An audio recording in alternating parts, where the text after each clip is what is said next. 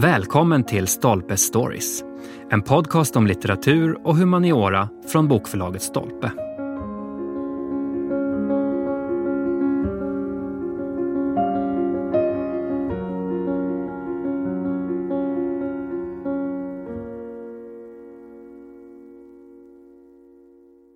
I det här avsnittet så fortsätter vi vår serie om konstnären Hilma af Klint. Hon som gick från att vara nästan helt okänd till att nu, 80 år efter sin död, uppmärksammas över hela världen. Men hur ska vi förstå Hilma och det här andliga i konsten? Vad betyder alla symboler och vad är egentligen budskapet? Med oss idag har vi Ulf Fagner som är konstnär, konstvetare och ledamot i stiftelsen Hilma af Klints verk. Ulf är också med i det stora arbetet med att göra en katalog Resoné, alltså en katalog där alla Hilmas verk ska finnas med. Varmt välkommen hit Ulf! Tackar! Det är alltid så spännande att höra hur det började när man har ägnat sig så många år åt en konstnär som du har gjort. Vad var din första kontakt med Hilma?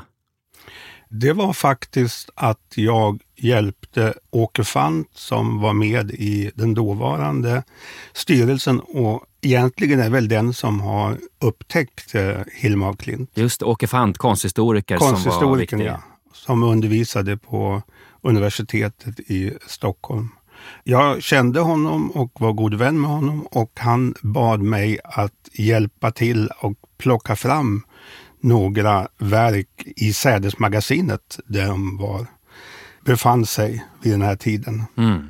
Minns du första känslan när du såg de här? Ja, alltså jag minns trälådorna som de låg i och uh, jag visste ju ingenting om, hade inte hört Hilma af Klint namn på den tiden. Det här var i början av uh, eh, 80-talet. Och då var hon inte en självklar del i konsthistorien? Nej, utan... nej, det hade aldrig visats några bilder av henne vid den här tiden. Så att uh, vi tittade och, och plockade fram en efter en. Och mitt första intryck det var väl att uh, det här var en målare som kunde hantverket. Mm. Sättet att måla. I och med att jag själv höll på också så såg jag på en gång att det här är en konstnär som vet vad han håller på med. Det var Just ingen tveksamhet. Det. det var ingen amatör som nej, provade på, nej, utan det nej, var ett, ett var, handlag. Som... Det var distinkt penseldrag, verkligen. Kan man se väldigt snabbt Hilmas handlag? Ja, det kan man ja. Oh ja. Du, Åke Fant måste vi säga också, han är ju inte i livet idag, men han var väl den egentligen som kan man säga presenterade, eller började med att presentera Hilma för en, en bredare krets. Ja, absolut. Han började ju forska kring hennes bakgrund och han var ju också ledamot i den första styrelsen. Och han var ju då med som sakkunnig. Och eh, man visste egentligen inte så väldigt mycket mer än att det fanns väldigt många målningar det fanns mycket material och det fanns väldigt många anteckningar. Och han började att studera det här ur två aspekter. Dels naturligtvis ur en konstvetenskapligt eh, aspekt, men också bakgrunden. Vad var kontexten för mm. Hilma af Klint? Och den är det väl han som har lyfts fram. Och i den bok som kom fram några år senare, det är just de här två aspekterna. Dels Hilma af Klint som en abstrakt konstnär, mm. men också som en okult målarinna. Just det, och det ska vi ju komma tillbaka till. Det är intressant att fundera på hur Hilma blev Hilma, för vi förknippar ju henne med det andliga förstås. Men om man tittar på hennes uppväxt och bakgrund, fanns det någonting särskilt andligt utöver det vanliga kyrkliga? Ja, alltså man kan väl säga att i slutet av 1800-talet så var ju väldigt många människor som var intresserade av religiösa aspekter på livet och som också hade den erfarenheten att den vanliga kyrkan kunde inte ge svar på de frågor som man hade. Och det var ju många konstnärer vid den här tiden som sökte nya vägar. Så det låg lite i luften ändå? Det låg väldigt i luften. Ja. Och man kan väl säga de radikala konstnärerna, det var väl mer eller mindre nästan en mainstream. Ja. Var det både kvinnor och män på den här tiden som var engagerade och upptäckte det, det andliga? Ja, naturligtvis. Om man tar en konstnär som gick nästan parallellt med Hilma och Klint, Ernst Josefsson, han var ju också ute efter att försöka få tag i de här kvaliteterna. Mm. Så det är också en tidstypisk anda just Ja, att, det, eh, det, det skulle jag vilja säga att eh, det var ju också att filmen hade dykt upp, fotot och så vidare. Det vill säga att konstnärers ambitioner att avbilda verkligheten så som den ser ut, den fick konkurrens. Och då sökte sig många konstnärer på in i nya områden som man själv kunde utveckla. För det är väl en av de stora slutsatserna nu också med att Hilma blivit så känd, att det andliga har varit helt avgörande för den moderna konstens födelse. Ja, det kan man väl säga. Speciellt kanske inom den abstrakta konstens utveckling. Mm. Där är ju det grundbulten. Utan det andliga, ingen abstrakt konst. Nej, i varje fall ett intresse att söka sig bortom det sinnliga. Ja, just det. Bortom det synliga och det sinnliga. Men om man tänker då, Hilmas verk, de har ju två olika spår. Vi har ju hennes eh, så att säga konventionella konst och så har vi förstås de, de andliga verken som ju är de som är de viktiga. Ser man direkt på verken att det handlar om till exempel antroposofi och det ockulta och så? Eller hur, hur så att säga, tydliga är de i det här andliga? Vid den här tiden så var ju teosofin den stora rörelsen. Mm. Och där har ju väldigt många konstnärer sitt ursprung. Mondrian, Malevich och så vidare. Och Hillman Klint är ju på så sätt en del av en grupp konstnärer som söker nya vägar. Idag så skulle man väl säga att vi vet ju att hon blir mer och mer intresserad av antroposofi. Mm. Men man kan inte säga att hennes måleri är traditionellt antroposofiskt Nej. förrän hon kommer. Hon besöker ju Goetheanum 1920-talet och då börjar hon måla på ett nytt sätt. Precis, men det är väl så att många av de här konstnärerna som är intresserade av både teosofi och antroposofi och allt det här, de tar ganska olika vägar rent Ja. konstnärligt. Ja, ja, så är det absolut. Och eh, jag skulle nog vilja säga att hon, hon är originell därför att hon, hon söker någonting och hon är medveten om att hon har slagit in på en linje som... Eh, det är ett stort område som hon ska utforska. Mm. Jag funderar också på, du är ju själv konstnär och du har pratat om livskraften, alltså den här enorma energin som man ju känner av i Hilmas verk. Det tror jag alla som har sett dem kan instämma att det händer någonting i oss. Ja. Vad är det här för slags kraft skulle du säga? Ja, jag skulle gärna vilja, vilja kunna beskriva det, men det är naturligtvis väldigt svårt. Men jag tror att många människor, också kritiker och konstvetare, de upplever att verken är laddade Mm. med energi eller med uttryck eller hur man nu ska beskriva det. En närvaro som man kan känna av som betraktare. Vissa konstnärer har den gåvan att bjuda in betraktaren Ja. och bli medskapande till verket. Och det är det man känner av som besökare, det vill säga att man är fri. Ja. Nu jobbade hon i och för sig i många olika format, men många av verken är ju oerhört stora. Ja. Hur påverkar det, tror du, upplevelsen att det är så monumentala skildringar av det här? Jo, alltså det är klart, och hon är ju ensam vid den här tiden att göra så stora verk. Mm. Om man tar de eh, tio största så är ju de helt unika vid den här tiden. Det är enbart monumentala verk och utsmyckningar som kommer upp i samma format. Och samtidigt så, hon arbetar ju otroligt fokuserat Mm och väldigt snabbt och hon har ju en fantastisk arbetskapacitet. Om man tittar på hur många verk som kommer till under de här första åren så är det ju exceptionellt. Hon känns ju som en oerhört eh, disciplinerad och väldigt säker på sin sak, att det här är hon ska göra. Var det så hon var? Ja, det tror jag. Hon har förmågan att kunna koncentrera sig och att fokusera och ta bort det som hon anser vara oväsentligt. Mm.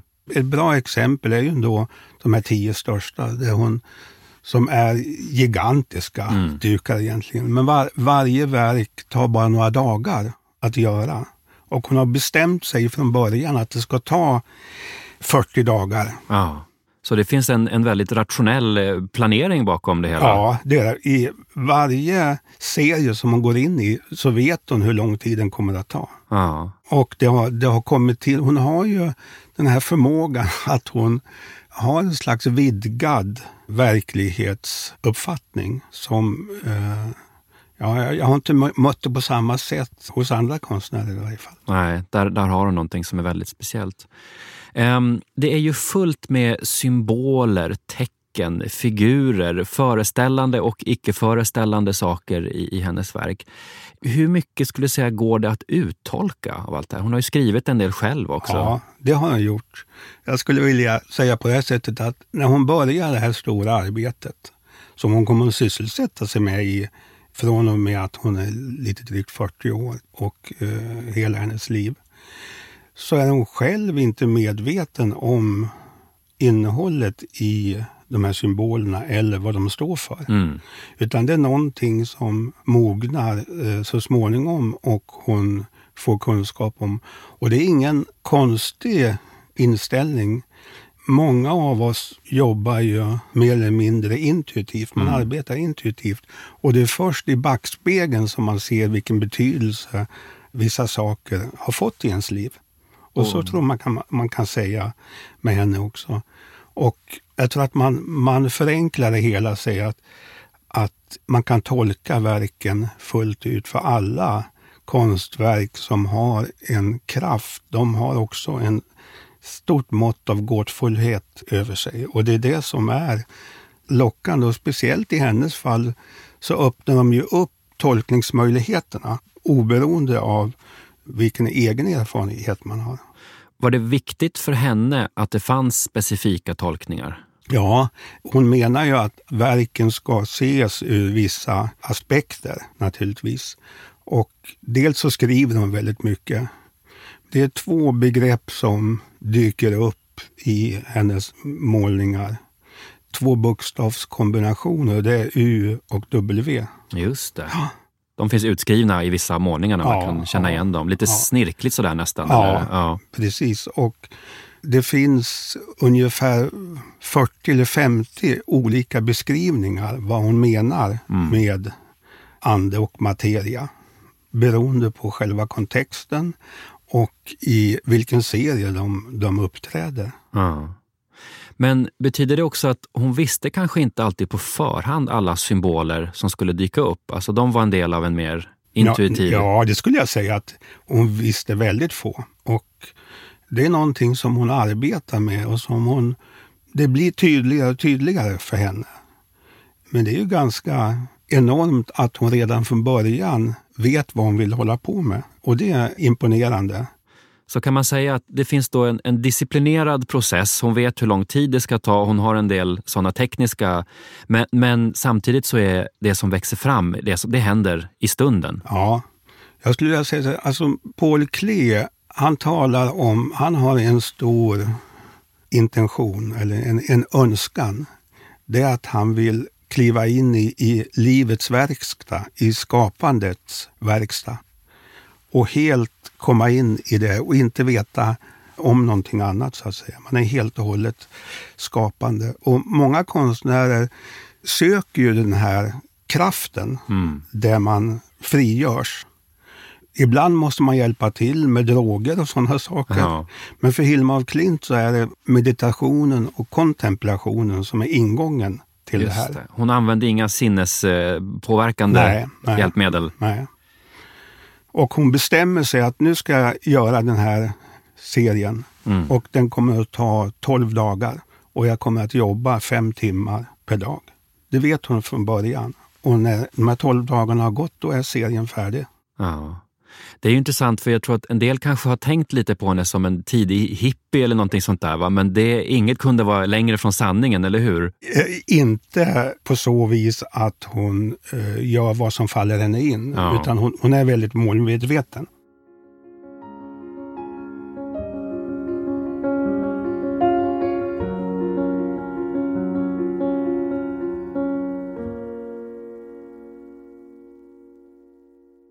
Nu har ju Hilma blivit otroligt berömd. Hon har visats runt om i världen, det har skrivits väldigt mycket om henne och mer kommer det.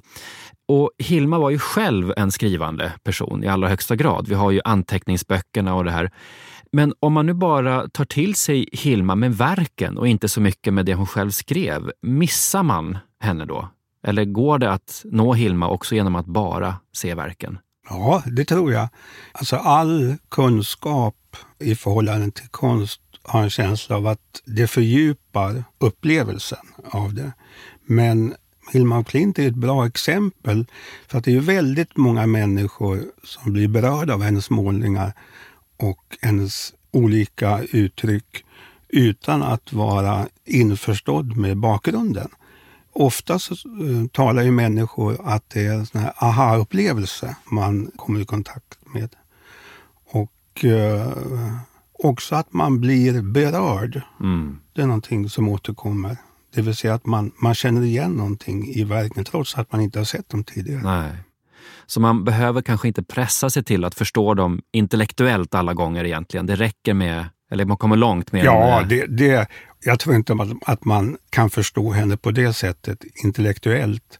Men det räcker gott och väl att man, man tar sig lite tid. Vad tänker du om den här resan hon har gjort då? Från nästan helt okänd till att vara den här världsstjärnan som hon faktiskt är nu. Vad, vad händer med ett konstnärskap när det blir så exponerat? Ja, alltså det är ju det är en märklig resa.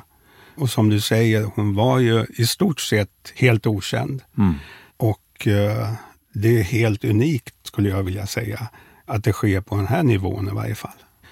Och man får väl hoppas att det inte blir för mycket exponerat, så att säga. Hon själv var ju väldigt noggrann med att hon ville att, att människor som såg hennes verk skulle ta sig lite tid eh, och inte bara springa förbi. Nej, just det. Så vad, vad tror du hon hade tyckt om den här resan? ja, dels naturligtvis så tror jag att hon, hon skulle bli väldigt glad, för det innebär ju att, att hennes verk talar till människor. Mm. Och det var det som hon ville. Å andra sidan, så mitt intryck det var att hon inte strävade efter att eh, vara en del av konstvärlden. Utan hennes verk, de är för vanliga människor. Ja, det är för det andliga och för människan. Ja, det, ja alltså hon strävade inte, att, så som jag förstår henne, att måla in sig i konsthistorien. Nej. Kandinsky och Mondrian, de var ju uppmärksamma på att de var ett avantgarde. Hon talar om sig själv, hon vet att hon tillhör ett avantgarde, men inte på det konstnärliga området utan där är det frågan om medvetenhet. Mm. Att hon har insikter som kanske inte så många andra har. Just nu så pågår ju det här stora arbetet med den här katalogresonén, alltså en katalog som ska faktiskt samla alla av Hilmas verk. Hur många verk är det egentligen? Det, vad brukar man säga? Jag tror kanske att eh, om det vill sig väl att vi kanske får ihop 15 1600 verk. Och det är de andliga verken kanske vi ska säga också. Man tar inte upp så att säga porträtt och hennes jo, brödkonst, gör jo, man det? det blir eh, det sista bandet. Mm -hmm. Och om man gör en katalogresonné då får man ju en väldigt fin överblick över ett konstnärskap. Det är inte så många konstnärer som, som får det. Varför tycker du att Hilma ska ha en sån här katalog? Som du säger så får man ju en inblick och framför allt så ser man hur hennes intention är stark eh, ifrån början. Och hon är ju en av de få som arbetar seriellt, det vill säga att hon arbetar i serier. Mm. Och då kan man också se att varje serie har sin egen art. När hon börjar med en ny serie, då arbetar hon också i regel på ett helt annat sätt. Mm. Så hon är ju lite lättare kanske än andra konstnärer att katalogisera. Ja, i varje fall så blir det så tydligt att eh, det sker en utveckling. Ja. Men vad händer när man sitter och studerar henne så här eh, systematiskt då? Vad får man för insikter om henne? Det är att hon, hon, hon är ju, å ena sidan så har hon förmåga att helt och hållet släppa den yttre verkligheten och bara arbeta med det som hon har framför sig. Mm. Å andra sidan så blir det också tydligt att hon har en slags vilja att eh, skildra en utveckling. Och jag tror att i, i hennes fall så utgångspunkten det är att hon, hon är väldigt intresserad av den yttre verkligheten. Naturvetenskapligt naturligtvis, botanik, matematik och så vidare. Det vill säga hon iakttar den yttre verkligheten väldigt noggrant. Och sen låter hon den iakttagelsen möta hennes egna inre erfarenhet. Och där de områdena möter varandra, där uppstår konsten och det är det som målningarna ger uttryck för. Så kan man säga att katalogen är också ett sätt att visa att det handlar inte bara om, om konstvärlden utan mycket större frågor? Ja, själv så menar hon ju, och det, det tror jag också är riktigt, att hon vill skilja en medvetande utveckling hos eh, människan och hos mänskligheten. Det är, så det, det är stora frågor som hon arbetar med hela tiden. Ja. Om man ska välja ett verk, och det är ju helt omöjligt nästan med Hilma af Klint, men om man ändå ska börja med ett verk som kan vara bra att ha i början om man ska lära känna henne. Har du något tips? Alltså en, ett verk som jag tittade på och det var egentligen Åke Fant som ringde till mig och frågade om vi inte kunde titta på ett verk. Och eh, då hade han plockat fram ett av de tidigare verken från 1907 eller 1908 som kallas Nyckeln till hela arbetet. Mm. Som Hilma af Klint menade på att kan man som betraktare förstå det här verket, då kommer man kunna förstå vad hela det här handlar om. Det är nyckeln till helheten. Ja, ja. Så att vi hängde upp det här verket på två spikar. Allting eh, var ihoprullat vid den här tiden. Ja. Ingenting var eh, ramat. Och eh, vi satt en stor del av en lördag och kikade på det här. Och vi hade bestämt oss för att vi skulle betrakta verket och vi, vi fick inte tala med varandra. Ni satt i tystnad? Vi och... satt i tystnad och sen eh, hade vi en paus, tog lunch, men vi skulle inte tala om verket. Mm. Och sen återkom vi på eftermiddagen och vi satt, jag tror sammanlagt fyra eller fem timmar och tittade på det här. Och sen när vi var färdiga, då kunde vi tala om det.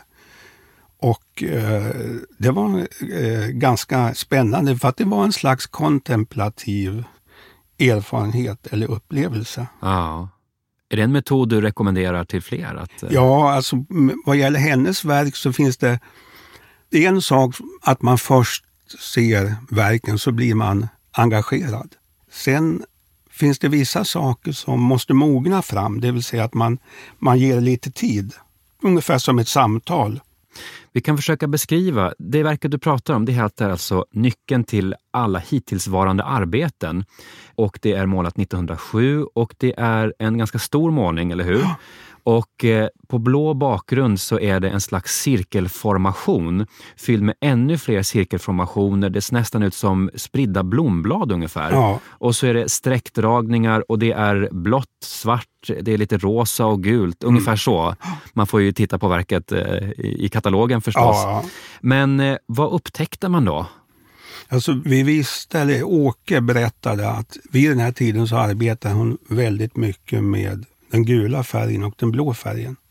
Och det gula står för en manlig aspekt eller en manlig kvalitet. Och den blå färgen står för den kvinnliga motsvarigheten.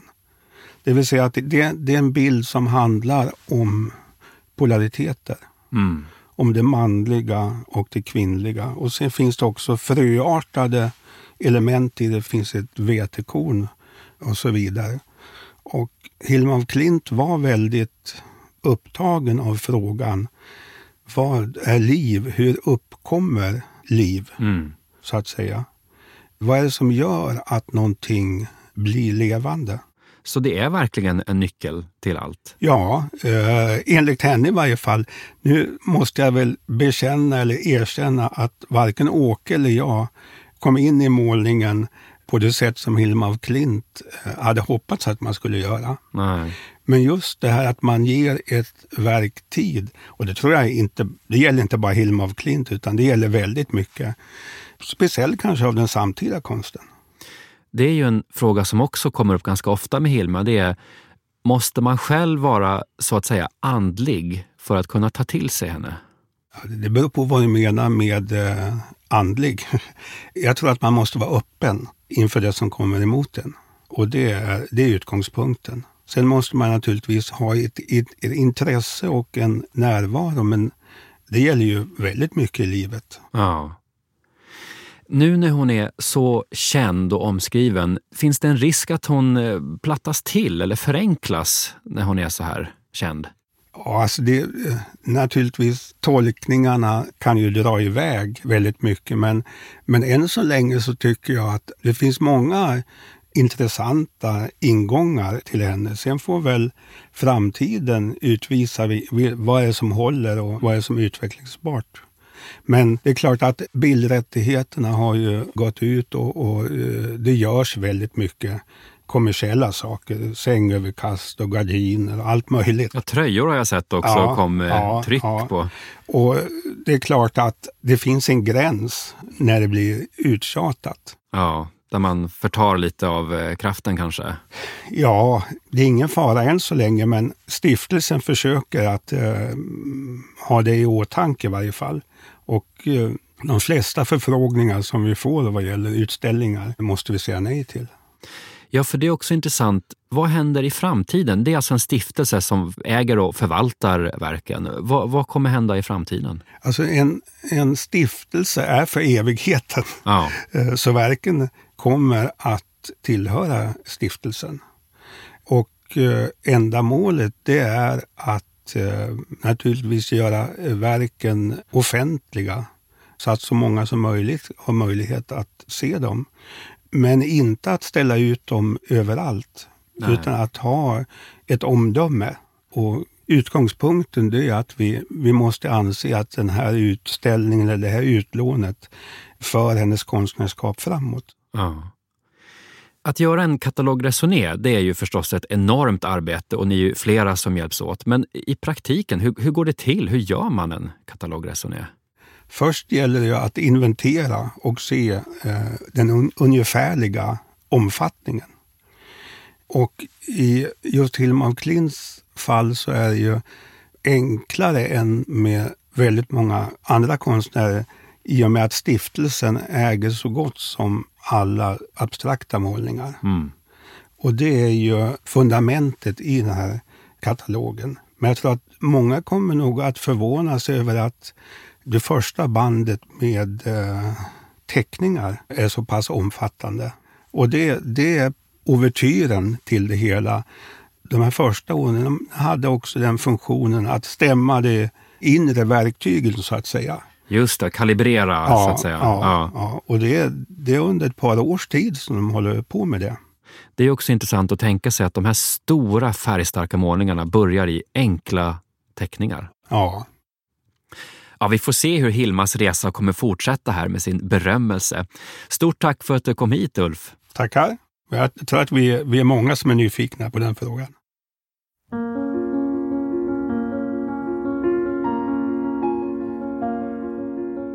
Nu finns de fem första delarna av Hilma af Klints katalog Resoné i butik och de sista två kommer ut under 2022. Och till dig som har lyssnat så finns en rabattkod. Ange stolpe 20 så får du 20 rabatt på bokförlaget Stolpes titlar på Bokus.com.